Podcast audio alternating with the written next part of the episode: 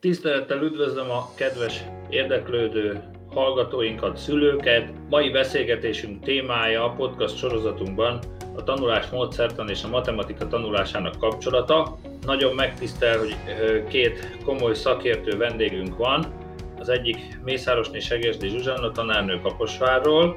Ő majd bemutatkozik, hogy milyen okból hívtam őt meg, és miért, miért gondoljuk, hogy nagyon autentikus a személye, és Valent Betty kolléganőm, aki a tanulni jó tanfolyamokat nagyon régóta nagyon sikeresen vezeti, és eredetileg matematika szakos tanár. Én nagyon örülök, hogy elfogadták a meghívást, és hogy arról beszélgethetünk, ami mostanában elég sok problémát okoz, hogy hogyan segítsünk a gyerekeknek a matematika tanulásban, milyenek voltak a tapasztalatai ennek az online oktatás során, és mit várhatunk a jövőben, úgyhogy nagy szeretettel kérem meg őket, hogy röviden mutatkozzanak be. Zsuzsanna, légy, légy szíves az első. Minden, egyúttal elnézést kérek a hallgatóktól, hogy régóta ismerjük egymást, és ezért tegeződünk. Jó napot kívánok, szervusztok! Én is köszöntök mindenkit, aki idevetődött és meghallgat bennünket, hogy mi mit tartunk a matematikával kapcsolatosan fontosnak. 79-ben végeztem matematika-fizika szakon, és hát a pályafutásom az életpályam során nagyon sok mindent csináltam. Kollégiumi nevelőként kezdtem, amikor a gyerekeknek valóban gond volt a matematika, és segíteni kellett. Aztán tanítottam általános iskolában, középiskolában, a Toldiban, Kaposváron, ahol 12 évfolyamos iskolaként működtünk nagyon sokáig. Matematika szaktanácsadóként, szakértőként dolgoztam, versenyeket szerveztem, munkaközösségvezető voltam, igazgatóhelyettesként nagyon fontosnak tartottam a gyerekek tanítás tanulását. Agykontrollt tanfolyamokat szerveztem az iskolába, a kollégáimat a tanulásmódszertan nuknak a fejlesztésére próbáltam mindig ösztönözni. Tehát nagyon sok mindent az elmúlt időszakban, aztán amikor a pedagógusok értékelésével kapcsolatosan változott egy csomó dolog, akkor én abban szakértőként vettem részt, nagyon sok órát látogattam az ország minden részén, örömmel tettem, segítő szándékkal, és én nagyon bízom benne, hogy mivel én már két éve nyugdíjban vagyok, és az online oktatásban így nem vettem részt, de de tudom a gondokat, a problémákat ismerem, hogy jó, jó munka folyik azért matematika órákon, és nem annyira mumus, mint amennyire ezt, ezt gondolják. Majd elmondom, hogy én ezt hogy gondolom, és akkor most átadom a szót Beának. Köszönöm szépen, és én is üdvözlök mindenki, minden kedves hallgatót, illetve mindenkit, akit érdekel a téma. Jó magamról annyit, hogy én 2004-ben végeztem Szegeden matek és földre szakos tanárként, és 2013 óta vagyok benne a tanulnió rendszerébe, azóta tanítok, szervezek a, a tanulnió tanfolyamok keretén belül.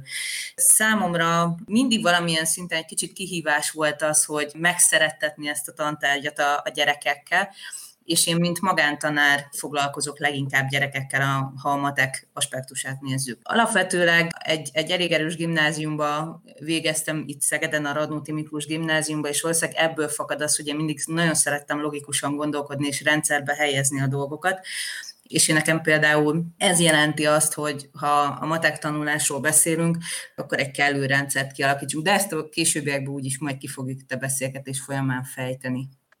a kérdést kaptatok ti is, mert a, próbálunk egy ilyen hagyományt teremteni, hogy minden ilyen beszélgetésben a, a következő beszélgető partnereknek a következő témával kapcsolatban az előzőek föltesznek egy kérdést, az előzőekben az anyanyelv, a tanulás módszertan és az anyanyelv és az irodalom tanítás volt, és Héző József középiskolai tanárbarátom és Szabó Ágnes tanárnő a azt beszélték meg, hogy arra lennének leginkább kíváncsiak, hogy akik ebben autentikusak a matematika tanításban, mit látnak, hogy miért van az, hogy 7.-8. osztályra, meg középiskolár időszakára a legtöbb gyerek azt mondja, hogy nagyon sok gyerek mondja azt, hogy nem szeretik a matematikát, és hogy lehetne esetleg ezen változtatni, hogy lehetne úgy megoldani, hogy ne legyen ez az ellenérzés, sőt József még azt is hozzátette, hogy őt már magyar tanárként, meg osztályfőnökként, középiskolai osztályfőnökként azt sem bántaná, hogyha ez az eredmény nem változtatna sokat, és nem lennének sokkal jobbak a jegyek, csak ne legyen ilyen nagy ellenérzés, ne, le, ne mondják mindig azt, hogy azt nem szeretik. Tehát ti ezt hogy látjátok, hogy lehetne ezt elérni, hogy hogy lehetne egy kicsit jobbá tenni? Én úgy gondolom, hogy 7.-8.-ban, amikor már a kamaszkorba kerülnek a gyerekek meg később, az osztályban kialakulhat olyan légkör, ami miatt ciki tanulni Na most én nem gondolnám azt, hogy ez csak a, a matematikával kapcsolatos, hanem más, más tantárgyakkal is.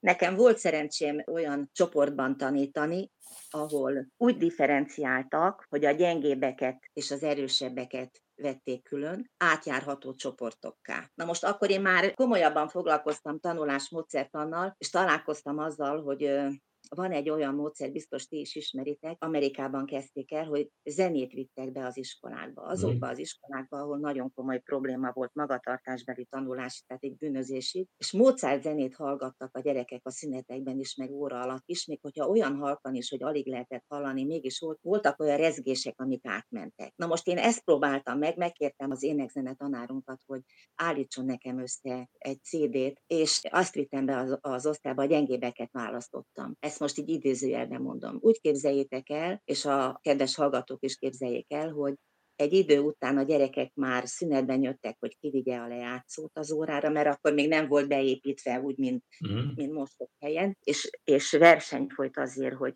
kijöjjön ezekbe a csoportokba. A másik csoportból akartak már átjönni a gyerekek.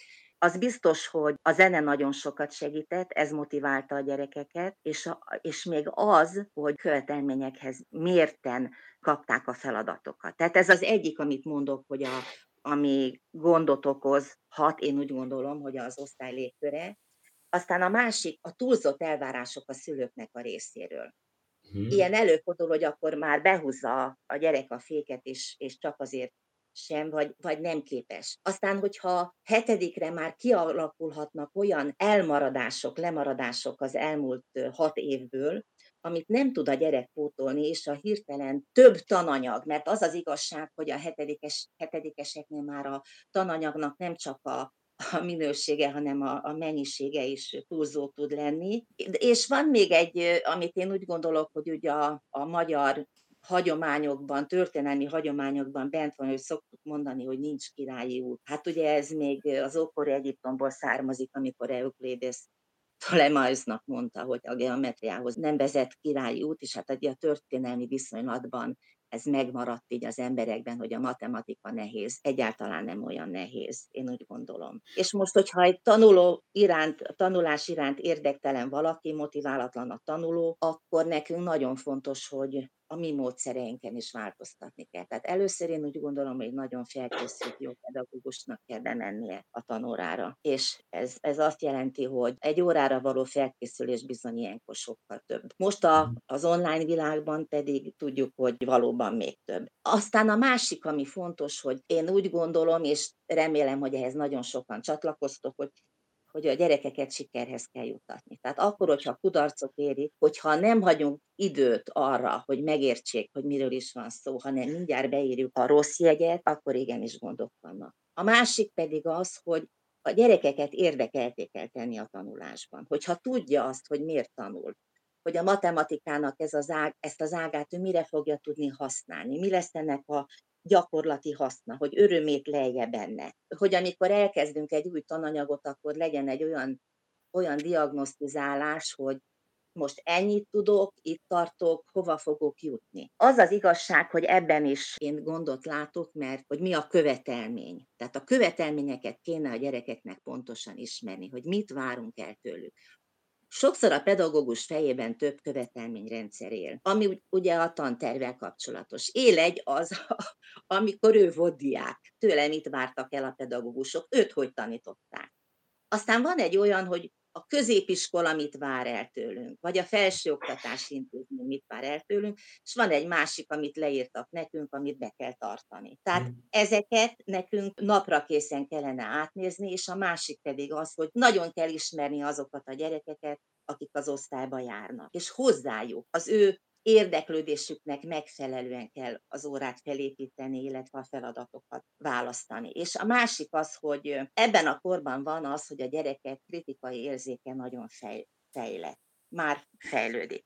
És hogyha akkor őt kudarc éri, akár a, a pedagógus részéről nem is kell, hogy kimondjon valamit, egy, egy metakommunikáció, egy grimasz, vagy egy legyintés, vagy bármi, akkor ez nagyon hátráltathatja a gyerekeket. Ha nem szabad tévedni az órán, akkor az nagyon nagy gond. Én mindig arra neveltem a gyerekeket, nem baj, ha tévedsz, gondolkodjál, azért, azért vagyunk mi itt együtt, hogy, hogy megtanuljuk. Tehát, hogyha már mindig mindenki tud, mindent, akkor nem kéne iskolába járni. És a másik, amit említettem, hogy ez a az az ellenőrzés, értékelés, ezt nagyon át kellene gondolni, hogy, hogy hogyan is. Én a fejlesztő értékelés párján, uh-huh. pártján vagyok, és nem lecsapni a gyerekre, hogyha valamit nem tud, hanem időt adni arra. És amikor rájön ez az aha élmény, hogy jó dolog tudni valamit, akkor már nem voltunk ott hiába a tanórán. Ezért kellenek a nagyon jó módszerek. Nagyon köszönjük, Betty, neked mi erről a véleményed, mert én úgy tudom, hogy te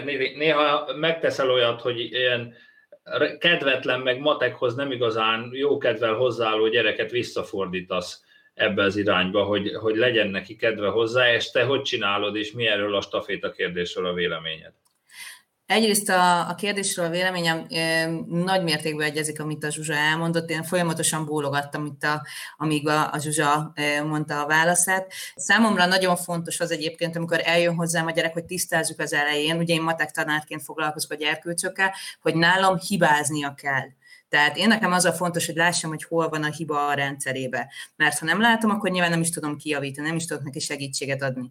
És a másik mindig azt, a, azt mindig szeretem elmondani, hogy akkor hibázunk, hogyha tudunk is belőle tanulni, mert olyan hibát elkövetni, amiből nem tanulunk, az fölösleges. Ez pedig a későbbiekre való tekintettel szoktam elmondani a gyerkőcöknek. Ami szerintem nehézség a matekba, az az, hogy nem olyan jellegű tudást kérünk a gyerekektől, mint például a magyarból, történelemből, hogy van egy időszak, meg kell tanulnia, utána jön, jön a következő, de nem épül rá feltétlenül az előtte lévő anyag.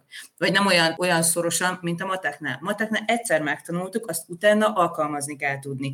Azt még egyszer nem fogjuk utána elővenni a terület-kerület képletet, hogy hogyan kell kiszámolni vagy a, a térfogatképet. Ezt megtanultuk általános iskolába, lehet, hogy egy picit átismételjük, de alapvetően tudatnak vesszük. Szerintem ez a folytonosság az, ami egy kicsit nehezebbé teszi a matekot, és az a sztereotípia, ami még mindig igen, hogy a matek nehéz, pedig hogyha végignézzük, szerintem hármastól fölfele sokkal több gyerkőc van, mint hármastól lefele, hogyha már így osztályzatban nézzük őket. És az is nagyon igaz, hogy igen, ma sik nem, nem feltétlenül tanulni, vagy nem, nem odafigyelni az órán. És a sikerélmény az viszont tényleg nagyon fontos.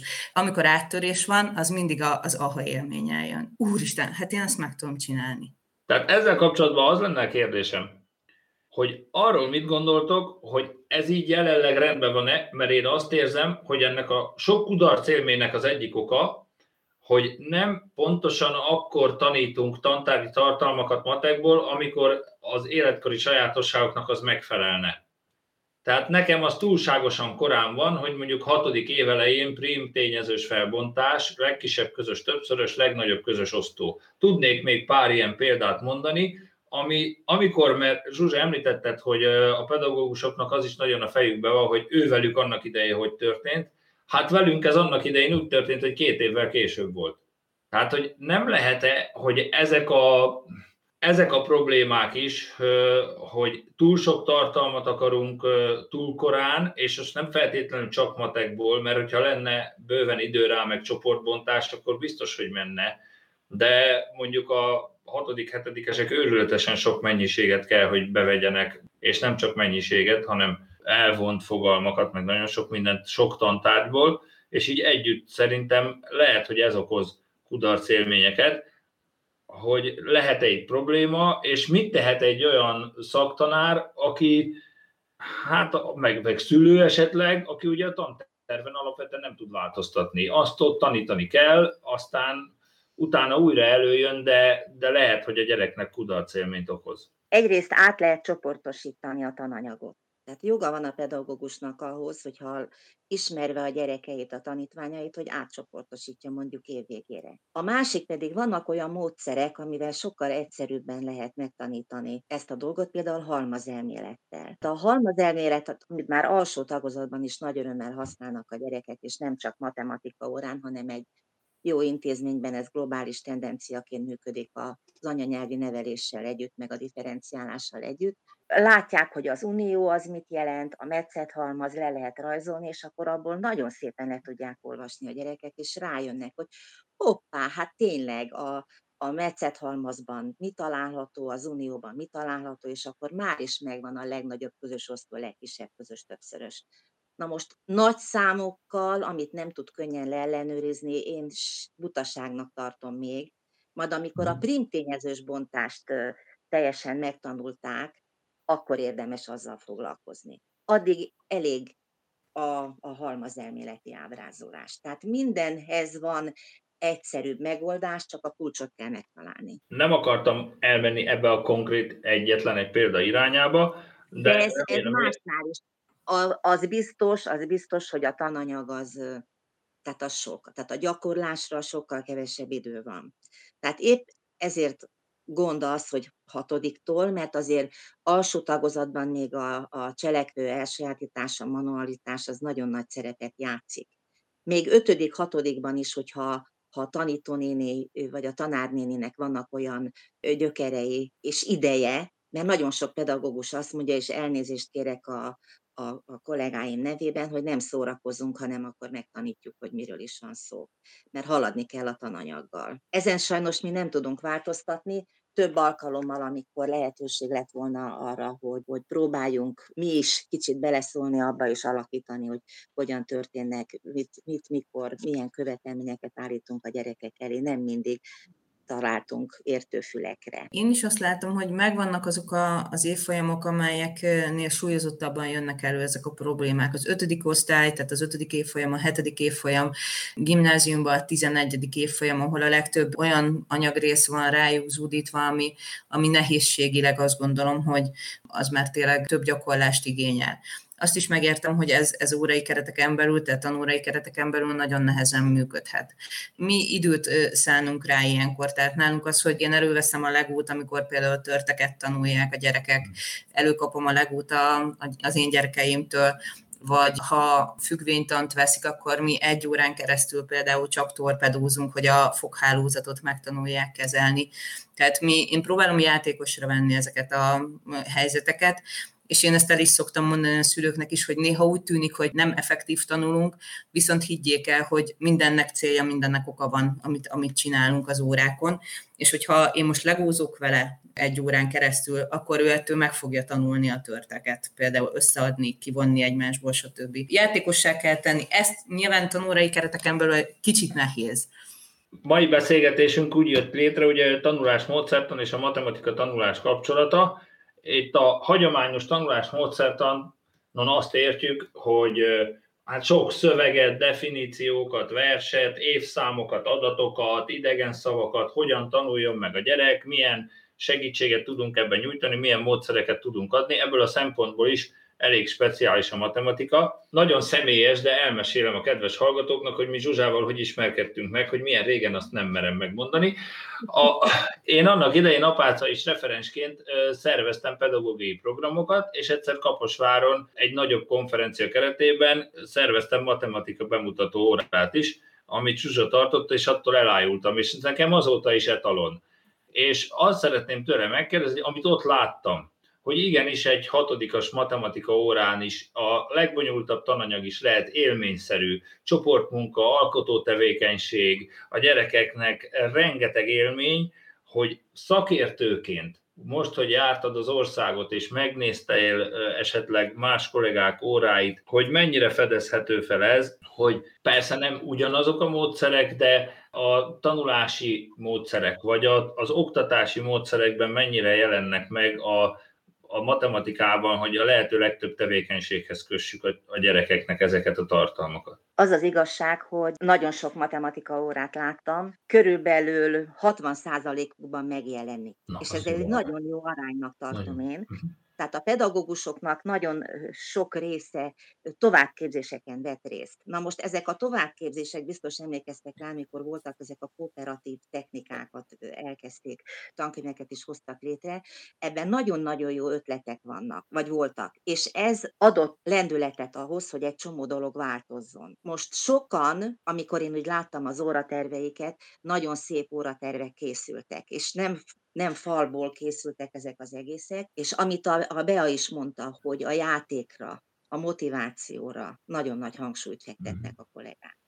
És ez nagyon fontos. Nagyon sokan vettek részt már tanulásmódszertani továbbképzéseken, amik megjelentek, ugye, mert egy időben Magyarországon nem lehetett ezekhez hozzáférni. Aztán a tanulni jó, amit, amit te is nagyon sikeresen több iskolában tartál be, hogy hogyan érdemes. Csak nagyon sok kollega még megijed attól, megretten, hogy, hogy ez nagyon nagy munka. Hát igen, ez, valóban ez nagyon nagy munka, de a jó módszereket érdemes átvenni, mert sikeresebbek, hangulatosabbak az órák, a gyerekek Hát én is, hogyha na, most bocsánat, ha ilyet mondok, ha végig megyek egy tanóra, egy, foly, egy iskola folyosóján tanóra alatt, és ahonnét jókedvű nevetés hallatszik ki, ahol tudom azt, hogy milyen munka folyik, az azt hiszem mindenkinek jó.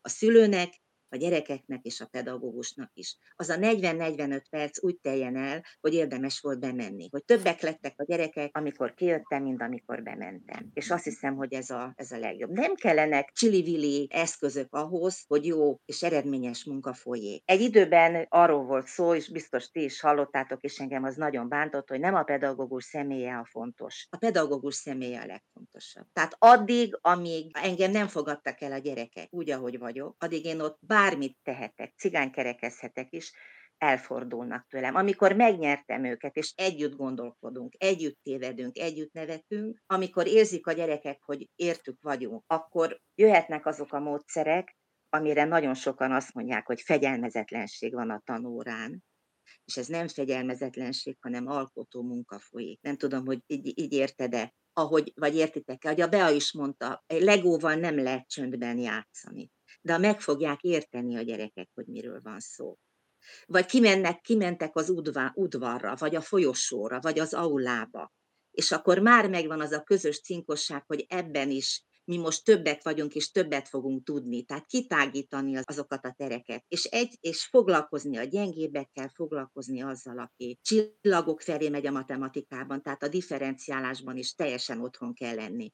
Tehát olyan módszereket alkalmazni, amitől, amitől eredményesebb, és valóban is van ilyen. Én is voltam úgy órán, hogy kimentünk az udvarra, testnevelő tanár voltam, test is volt a matek mellett a szakja, és fantasztikus órát láttunk. Tehát minden területen, persze. Én nekem ilyen téren nagyon jó tapasztalataim vannak, és a másik, hogy volt, hát én is tanulok ilyenkor, és én is vittem ötleteket a tanítványaimnak, hogy itt mit láttam, ott mit láttam. Mhm. Mondjuk a szakértői munkában ez az egyik legérdekesebb, hogy, hogy sok mindent ad is. Nálunk a tanulnió módszertani felépítése is olyan, hogy leggyakrabban azért az világlik ki belőle, hogy a szöveges megtanulandókban hogy tudunk segíteni, de azért én tudom rólad, hogy te a matematikába is becsempészed ezeket. Ez határozottan így van. A memória kampótól elkezdve a koncentrikus körig, táblázatok használatáig, de még a, a gondolattérképet is mindent, mindent használunk az órákon, és mindent át is ültetünk a matekra is. Én nekem is mindig jön a kérdés, hogy hát jó, jó, jó, hát történelemből, magyarból, amiből ilyen írott szöveget kell tanulni, arra abszolút el tudja képzelni a szülő, de hát matekra, egy képletre, vagy egy tengelyes tükrözésre, vagy egy középpontos tükrözésre ezt hogy? Hát középpontos tükrözésre tök jó föl lehetett vinni a középpontos tükrözés lépéseit a memória kampóra. Első lépés, mit csinálok? Második lépés, mi a következő? Tehát, ha egy ilyen mechanikus megoldást akarok, akkor arra tökéletesen jó ha össze akarok foglalni a, a témakör végén, például tanuljuk terület-kerület, képletszámítás, vagy háromszögekről tanultak, egy nagyon klassz koncentrikus körrel oldottuk meg a gyerekekkel. De memóriavázlatot is csináltunk, amikor a síkidomokat tanulták, hogy hasonlítsuk össze, melyikről mit tudunk. És ezeket utána ők szépen le is fűzik. Tehát, hogy minden módszert rá lehet, vagy mindegyik módszert lehet alkalmazni a matek, matek tanítására, tanulására. Ugye az utóbbi években a tanulnion belül rám leginkább a középiskolás csoportok jöttek, és, és a középiskolások pedig gyakran panaszkodtak, hogy fú, azt muszáj tudni, mert a másodfokú megoldó képletet, és így tovább pedig mondtuk a tanárnőnek, hogy a függvénytáblában majd megnézhetjük az érettségit, de akkor is követeli, stb. És Persze én is igyekeztem meggyőzni őket, aztán mindenfélét kitaláltunk, hogy telefonra mondtuk, újra meg újra visszahallgattuk, aztán beszínezgettük a számlálót, a nevezőt, mindent, tehát színeket, hangokat kötöttünk hozzá, Én is úgy gondolom, hogy ezeket a, a tanulnióban egyébként releváns módszereket meg tudtuk mozdítani, és, és talán sikerül is vele eredményt elérni. Kapok is néha, néha ilyen visszajelzést, hogy ez így működik. Ami, amit még nagyon fontosnak tartanék, hogy megkérdezzem tőletek, hogy azt hogy látjátok a tanítványaitokon, hogy én azt látom, hogy a mai magyar oktatásban ez az átlagos osztály létszám, tehát egy 28-30 fő, ami van egy városi osztályban, ha nincs csoportbontás, akkor, akkor a matematika, meg, meg különösen a nyelv, az idegen nyelv, meg a matematika területén ez sok. Tehát pontosan itt, amiket, amiket Betty elmondott, meg amiket Zsuzsa, te is említettél, meg amit láttam is tőled annak idején, akkor vesznek el ezek a módszerek, hogyha túl sok gyerek van egy térben, nem? Tehát itt, itt lenne nagyon fontos a, a csoportbontás, hogy ezek élővé, tevékenységé váljanak. Megmondom őszintén, hogy az én iskolámban sikerült elérni, hogy 7.-8. osztályban a matematika csoportbontásban legyen. Ez nagyon jó dolog. Ha az iskolavezetést meg lehet győzni, akkor megy. Én is fontosnak tartom azt, hogy kisebb létszámban, kisebb csoportokban. De azért azt hangsúlyozom, hogy ott ugyanúgy kell differenciálni. Tehát ott sincs egy egységes rendszer, ha nem muszáj. Most a másik, amiben gyakran átesünk a ló másik oldalára, hogy a szülő fölmenti a gyereket. Meg gyakran mi is.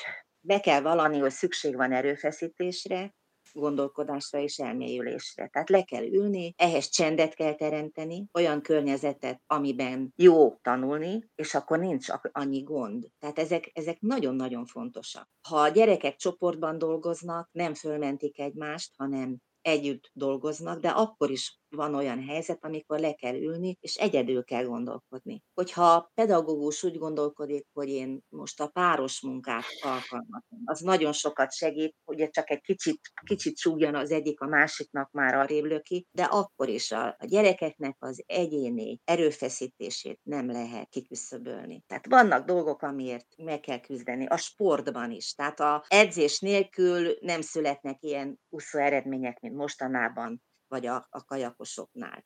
Tehát rendszeresen oda kell figyelni, edzeni kell az agyunkat, hogy a matematika is jobban menjen, logikai feladatokkal, tanulásmódszertannal, persze vannak amik analógiák, amik nagyon-nagyon segítenek, de még egyszer hangsúlyozom, hogy a tanulónak az egyéni felelőssége, felelősségét hangsúlyozni kell. Na most, hogyha még a szülő is érdeklődik a gyerek tanulmányi eredménye iránt, és nem legyint, hogy majd csak lesz valami, akkor még jobb. Tehát én úgy gondolom, hogy a pedagógusnak, a szülőnek és a gyereknek egyértelműen oda kell tenni magát. Egyszer egy beszélgetésben hallottam, és messze menőleg igazat tudok adni, hogy egy matematika tanárok is tudják, a gyerekek meg pláne, hogy egy szorzat értéke nulla, ha bármely szorzó tényező értéke nulla. Na most, hogyha a szorzó tényezőként tekintem nem akármilyennek a pedagógust, a szülőt és a gyereket, egyenértékűnek, bármelyik nulla, a szorzat, szorzat értéke nulla. Tehát ne becsüljük le egymást, hanem figyeljünk oda nagyon. Betty, te hogy látod?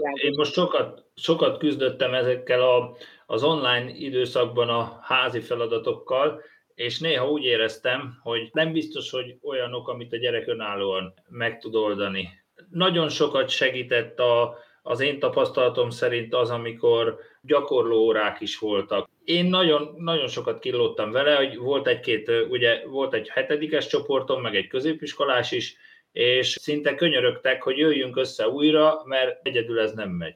Én is azt látom, hogy a, a gyakorlás az, az elengedhetetlen. Tehát a gyerekek nekem mindig fölteszik a kérdést, hogy Betty, hogy van az, hogy neked bármilyen feladatot földobunk, te azonnal a az őszintüknek megfelelő megoldással állok elő. Én mindig csak annyit mondom, hogy tízezer feladat a kettőnk közötti különbség. Tehát én már ennyivel többet oldottam meg, mint te. És nyilván a, a rutin, a, a gyakorlottság, az, hogy tudom azt, hogy mikor mi, az, a, az, az abból fog következni. Mint ahogy a Zsuzsa is mondta, igen, a sportolóknál az edzés nem cél, de eszköz, mert az izom megjegyzi a mozdulatsort, tehát a, a kéz megjegyzi a mozdulatsort.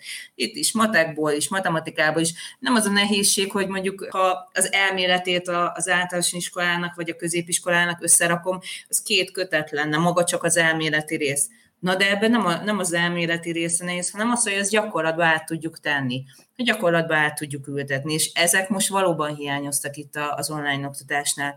Amit én még hiányoltam az online oktatásnál, meg lehetett oldani más területeken is, hogy, hogy csoportokba dolgozzunk mert fontos az. Én a mai napig emlékszek, hogy az én osztálytársam hogyan magyarázott el én nekem olyan dolgot, amit az órán nem értettem meg, mert éppen a pad szélére firkáltam, vagy a füzet sarkát radíroztam, vagy azt, azt rajzolgattam, mert én, se, én is gyerek voltam, és bennem volt az, hogy nem mindig figyeltem oda az órán, de arra emlékszek, hogy az osztálytársam hogy magyarázta el utána, délután, amikor ott ültem, hogy hát hú, nem, most ezzel nem, nem tudok előrelépni. Tehát én nekem igenis kell, kellene ez, hogy ne, ne csak individuumok, ne csak, ne csak önálló munka legyen, hanem legyen csoport, legyen az, hogy tanulópár, ami régen is volt, és ezek jó, jó dolgok lennének.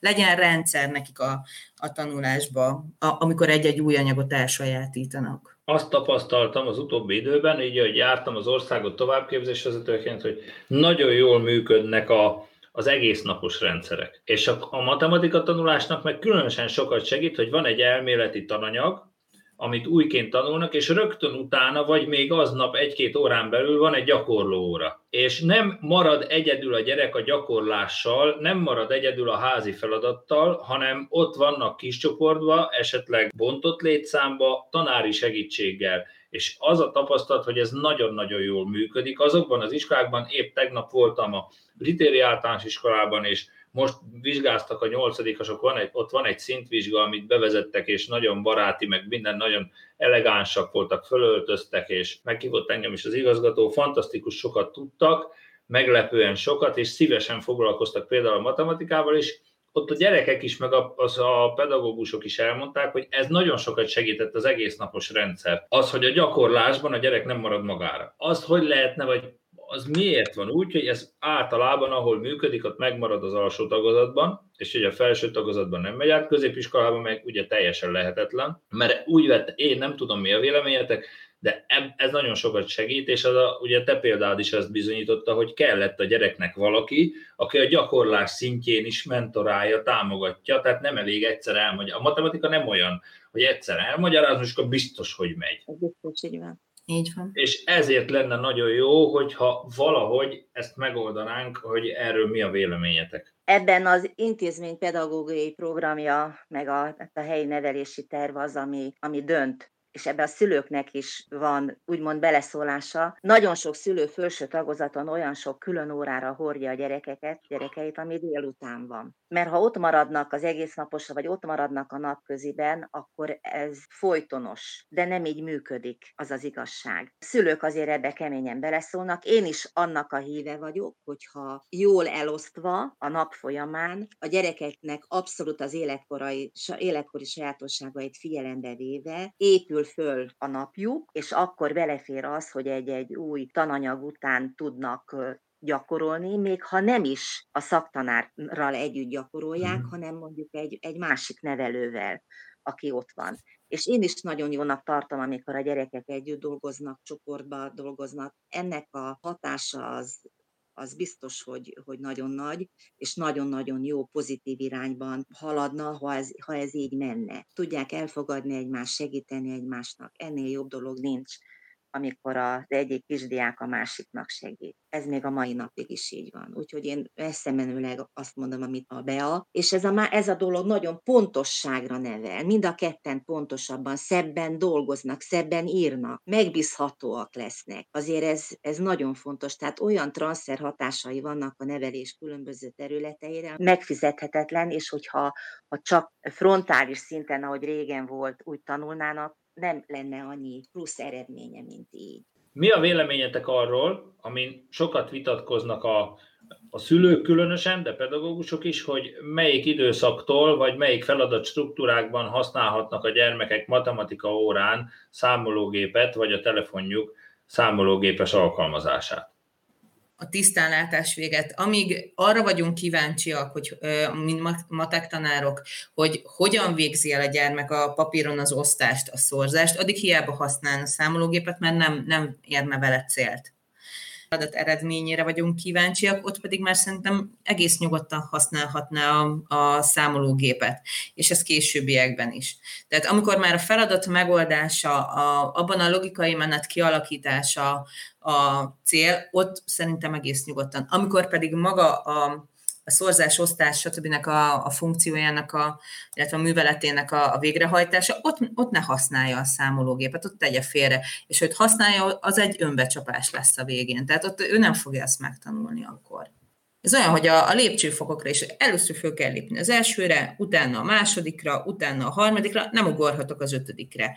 Az problémát fog jelenteni. Számológéppel kapcsolatosan én is azt mondom, hogy hetedik osztályban már fizikából abszolút lehet használni, mikor sebességet számolnak, utat, időt, sűrűséget, bármit, de meg kell a gyerekeket tanítani a számológép használatára. Hiába van számológépe, ha nem tudja használni rendesen nem tudja azokat a trükköket, amik megkönnyítik ennek a használatát. Na most hatodikban már kompetenciaméréseknél megengedik a számológépnek a használatát, tudjátok jól, meg nyolcadikban is. Sokszor futkosunk össze-vissza, hogy mindenkinek legyen, iskolatitkártól, mindenkitől, mert aki elfelejtett hozni, akkor gond van. Na most valóban a felvételinél viszont nem engedik. Ezért nagyon fontos az, hogy a gyerekeket tanítsuk meg becsülni. Ugye sokszor a tizedes veszőt rossz helyre teszik ki. Tehát, hogyha becslés van, amit nagyon sokszor fölöslegesnek tartottunk, illetve a gyerekek, én is annak idején később értettem meg, hogy, hogy mire jó, hogy a nagyságrendekkel tisztában legyünk, de ugyanazt vallom, amit a Bea, hogy az alsó tagozatban, ahol ki kell írni részletesen a, a részleteredményeket, ott nem is tudná igazából használni a gyerek a számológépet. A másik dolog, hogy maga az okostelefon az nagyon sok tantárgyban ott van, tehát nagyon jó dolgokat lehet letölteni, amit alkalmaznak a kollégák most már órákon.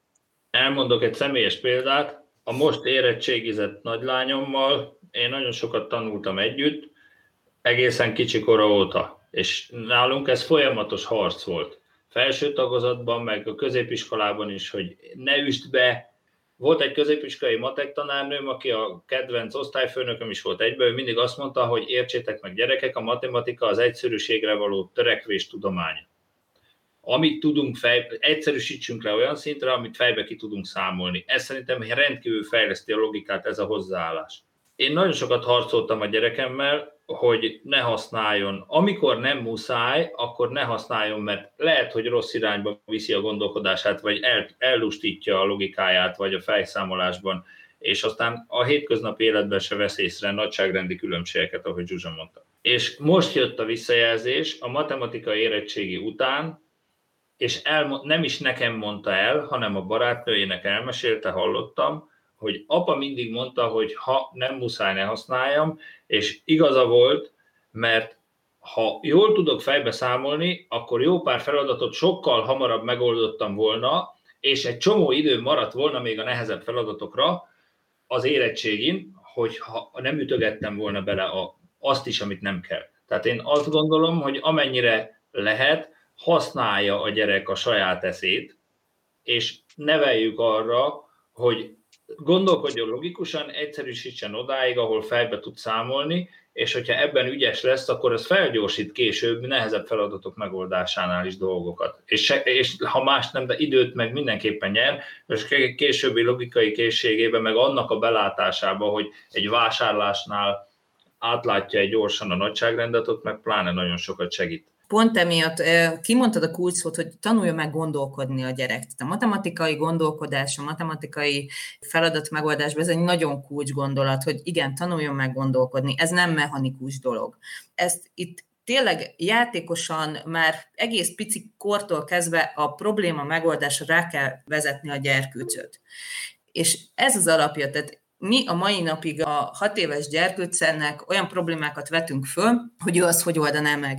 És, és a matematikában például tarol ilyen szempontból a gyerkőc. Tehát nagyon ügyes.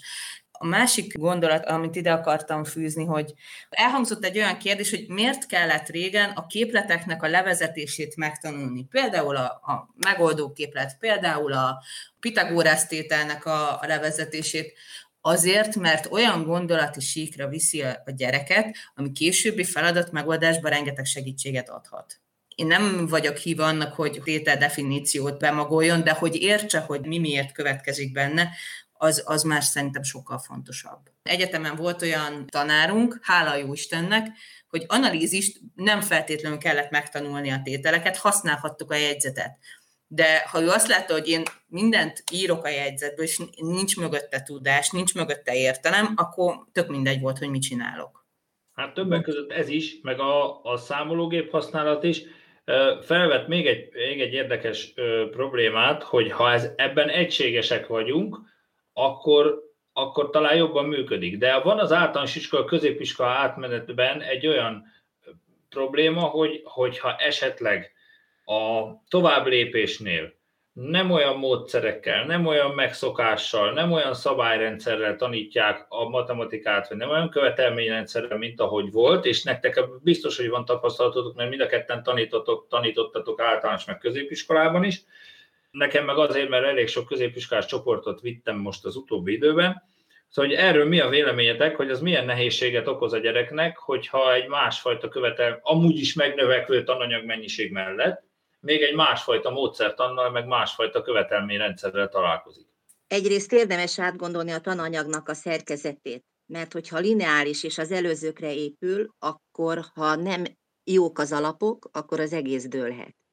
Tehát valóban, ahogy mondtad, ahhoz viszont a gyerekeket föl kell készíteni, hogy, hogy más, tehát mindenképpen mások lesznek a követelmények, más a pedagógus, gyerekeknek is alkalmazkodni kell, nagyon gyakran hallottuk mi is, hogy az első benyomás nagyon sokat számít, tehát tessék figyelni arra, hogy hogyan mutatkozol be. Azért a középiskolás kollégáknak az zöme nem olyan már, mint annak idején, hogy beskatujáztuk a gyerekeket, de így is jelent gondot az átmenet. Nekem csak néhány kedvező tapasztalatom volt, hogy középiskolában a gyerekek úgymond megtáltosodtak.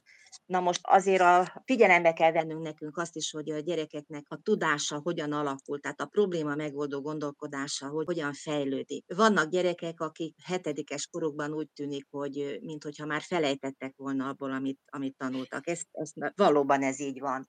Tehát hiába próbálunk ott különböző módszerekkel próbálkozni, nem, nem mindig olyan sikeres a munkánk, mint amennyit belefektettünk. Na most középiskolában kompetenciamérések eredményei azt mutatják, az általános iskolás nyolcadikhoz képest nagyon sok helyütt javulnak a gyerekek eredményei. A szakiskolákban viszont nem. Tehát azért az iskola típustól is függ, hogyha figyeljük, hogy milyen eredmények vannak. A nyolcadikasoknál évvégén már a gyerekek nem annyira érdekeltek abban, hogy milyen eredményeik vannak, ezt nagyon jól tudjuk, hogyha egy intézmény ezt nem jól tálalja a gyerekek felé, akkor ott akkor ebből gondok is szoktak lenni de hát az átmenet még mindig, mindig egy kicsit problémásnak tartom, de aztán már megoldódhat. Esetleg úgy, hogy felzárkóztató programokat csinálnak az iskolában, korepetálásokat, középiskolában is figyelnek erre, hogy, az ered, hogy megtartsák a gyerekeket, hogy ne menjenek el a gyerekek. Végső esetben van az, hogy ha már úgy lemondtak róla, hogy a, a szülő más iskolát keres a, a gyerekének, vagy más iskola típust, de nagyon sokan eljutnak azért az érettségig egy, egy kettessel. Na most ugye ilyenkor szoktuk mondani, hogy mi értelme van annak a kettes érettségének az, hogy megvan az érettségi. Azonban azt is figyelembe kell venni, hogy a gyerekek hova akarnak tovább tanulni. Hát azért a fakultáció az nagyon sokat segít ebben a Beának talán több tapasztalata van most. Mindenképpen fontos, igen, nagyon fontosak a fakultációk is, illetve az, hogy időben elkezdjen készülni abba az irányba, amerre menni akar. Tehát találkoztam olyan gyerkőccel, aki sajnos utolsó pillanatban kapott észbe, hogy úristen, én nekem emelt szintű matematikai érettségit kell írnom, és találkoztam nagyon tudatossal, aki már ö, tizedik osztály óta arra készült, hogy igen, ő neki emelt szintű matekot kell írnia. Teljesen más a végkimenetele nyilván ugyanannak a történetnek ilyen, ilyen helyzetben. És ehhez viszont kell a szülő. Ugye a Zsuzsa említette, hogy szülő, gyerek, tanár, ez a hármas az, ami megadja egy-egy ilyen helyzetnek az eredményességét is, ehhez viszont kell még a szülő, tehát ugye szülőnek a, a ráhatása az mindenképpen fontos egy ilyen idős gyereknél. Az még felmerült többször a tanítványok meg a szülők között is, hogy lehetne, mert ezt említettétek is az, a bevezetőben, Zsuzsa mondta, hogy életközelévé tenni a matematikát, hogy ezt ti hogy csináljátok, hogy van egy elvont tananyag, mely tudom én a tizedes törtek, négy jegyű tizedes törtet egyszerűsítsünk két jegyűre, vagy ne egyszerűsítsünk, hanem, hanem kerekítsünk, vagy bármilyen elvontabb matematikai tartalom, ahogy mondtad is az elején, hogy a gyerek lássa át, hogy ennek a mindennapi életben hol lesz a haszna. Röviden elmondok egy példát, amikor utoljára negyedikeseim voltak, akkor én minden szöveges feladatot úgy fogalmaztam át, meg úgy találtam ki, hogy az róluk szóljon amikor majd a Barca Laci nyugdíjas nagypapa lesz,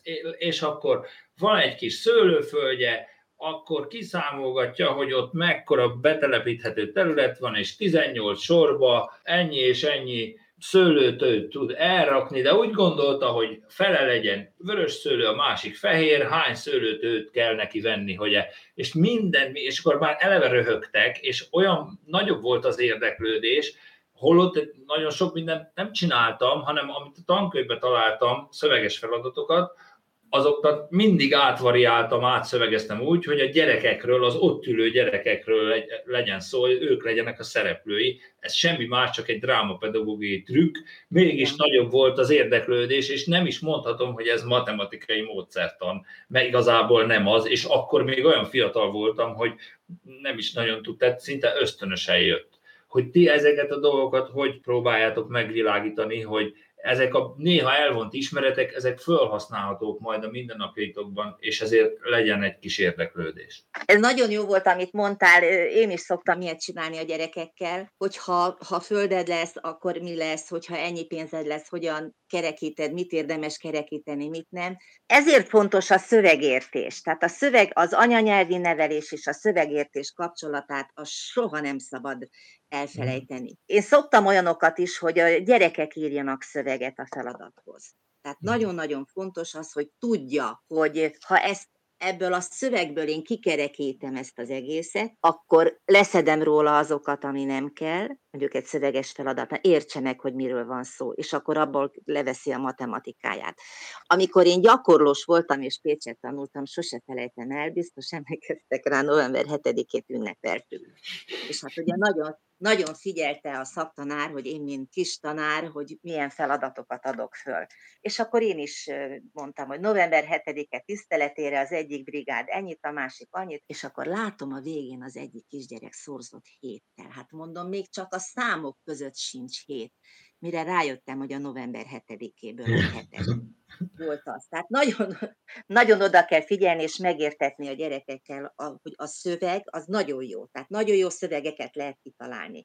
Van úgy, hogy a gyerekek jobbakat találnak ki, mint mi de hogy annak mi a matematika tartalma, mi annak az algoritmusa, hogy lebontsuk és, és megoldjuk. De persze nem csak itt ilyen típusú feladatnál van, házépítésnél. Tehát akkor, amikor geometriai feladat van, és láttatni kell dolgokat, akkor is, hogy, hogy mit és hogyan alkalmazom. Tehát nem elég, hogy lerajzolom, kirakom kockákból, vagy térhálóját készítem el. Tehát rengeteg olyan megoldás van, ami, ami ahhoz segít, hogy könnyedebben tudják a gyerekek megoldani, és értsék, lássák, hogy, hogy miről van szó. Aztán a, ugye a kamatos kamatnál, ott is a gyerekeket érdekelté tesszük. Most azért elég nehéz megmagyarázni, hogy kevesebb pénzt vesz ki, mint amennyit betesz. Egy idő után mennyi a kezelési költség, de, de azért próbáljuk erre is ez nem kritika, de valahol, valahol az, is, az is benne van. Berti, te hogy csinálod ezt a tanfolyami órákon? Valahogy hasonlóan. A gimnáziumi anyagban vannak olyan anyagrészek, amelyekre azért nem mindig lehet ezeket a életszerű dolgokat ráhúzni. Tehát én például nagyon szeretek a geometriával foglalkozni, nem tudom, hogy ők ezt életben hol fogják használni, viszont azt mindig elmondom, hogy, hogy egy általános tudást is, akit érdekel ez a rész, akkor az, az, az is élje ki a teljességét, mint az, aki a magyart szereti, és a verseket olvassa mindenkinek meg kell adni a lehetőséget, hogy, hogy kiteljesedjen abban, amit csinál. Mert egyébként nem lett volna Albert Einstein, egyébként nem lettek volna a nagy magyar fizikusaink, hogyha ha ezek a, az oktatások nem lettek volna annó meg. Tehát nyilván, hogyha ezek nem jönnek, és a mai nap is, tehát rengeteg olyan matematika verseny van, és nem csak magyar, hanem nemzetközi, ahol már diákolimpiák, ahol már a magyar diákok hatalmas sikereket érnek el. Ha ezeket a tananyagokat nem tanítjuk nekik, nem tanulják meg, akkor ők ezeket a sikereket sem tudják megélni. Egyébként pedig ugyanígy, tehát általános iskolában ott le kell fordítani az ő nyelvükre. Érdekelték kell őket tenni abba, hogy bele kell őket vinni a feladatba. Tehát, hogy vannak olyan mindennapos helyzetek az ő életükben is, amikor ez hasznossá válik. Így van. Hogy mértékváltás, tehát hogyha mindenki 15 a chipset eszik meg, és eljönnek 25-en a születésnapi bulidra, akkor hány kiló chipset kell venni Én például van olyan, igen, vagy van olyan, van olyan feladat, amikor lakatlan szigetre kerülsz, hogyan mérsz, hogyan méred le a távolságokat, stb. Akkor először mindig leméretem, hogy mekkora egy arasz. Akkor nézzük, hogy, hogy hány centiméter. Na, akkor gyerünk, akkor mérjük le az asztal egyik oldalát, vele az asztal másik oldalát szorol, és akkor észre sem vesz ide közben a, a két számjegyű szorzás gyakorolja mellette. Akkor utána a mértékegység átváltás gyakorolja. Tehát, és utána megjöhet egy terület területszámítás. 7 arasz, vagy 8 arasz, az hány arasz lesz, hány arasz nézetet, és akkor utána gyerünk, váltsuk el. Tehát azért mondom, hogy ezt nagyon szépen úgy lehet alakítani, hogy a gyerek ezt játéknak fogja föl. Hogy nagyon szeretem például az egyiptomi számokat előhozni a gyerekeknek, az egyiptomi számjelöléseket. És ők rakosgatják a kis korongokkal kifele maguknak a, a számokat, és jó, akkor most váltsuk be, akkor most így adjunk össze, hogy ezeket a számokat használjuk. Nem, a, nem az arab számokkal adunk össze, de ugyanúgy meg uh-huh. fogja tanulni az összeadást. És azt meg mi tudjuk, hogy a későbbi tanulmányai során nagyon sok egyéb tantárgynak az alapját képezi, mert a természettudományos tárgyakban, de akár a történelmi tájékozódásban is, hogy a számok mindig előjönnek, meg a mindennapi életben, tehát sokat segít az, hogyha a matematika világában eligazodnak. De nagyon sok témát érintettük, én nagyon köszönöm, viszont van egy staféta kérdésünk, amit nektek is fel kéne tenni a következőknek. A következő podcastunk a, a tanulásmódszertan és a zenei fejlesztés kapcsolatáról fog szólni, és olyan szakértőknek, szaktanároknak, akik esetleg ezen a területen dolgoznak, mit, ti mit kérdeznétek tőlük, milyen érdeklődés vagy gondolat merül fel bennetek a, ezzel a témakörrel kapcsolatban, mert Zsuzsa említette is, hogy komoly tapasztalata van a tanulás és a zeneiség összekapcsolásával. Azt szeretném, szeretnék megkérdezni az énekzenét tanító kollégáinktól, hogy a tantárgyuknak a transfer hatása mennyire érvényesül a véleményük szerint a többi tantárgyban, többi tantárgynak az eredményességében. Nagyon köszönöm a mai beszélgetést, meg a sok együtt gondolkodást, meg a sok érdekes tapasztalatot, meg tanulságot. Remélem azoknak is, a szülőknek is, érdeklődőknek is tanulságos, meg használható ötletek voltak benne, akik meghallgatnak bennünket. Kérem, hogy keressenek bennünket a Google Podcaston, a Spotify-on, az iTunes-on, mindezeken jelen vagyunk a podcastjainkra, és természetesen a honlapunkon, a tanulnió.hu-n is megtalálják ezeket az anyagainkat. Legközelebb jelentkezni fogunk a tanulás módszertan és a zenei fejlesztés kapcsolatával. Köszönjük a figyelmet!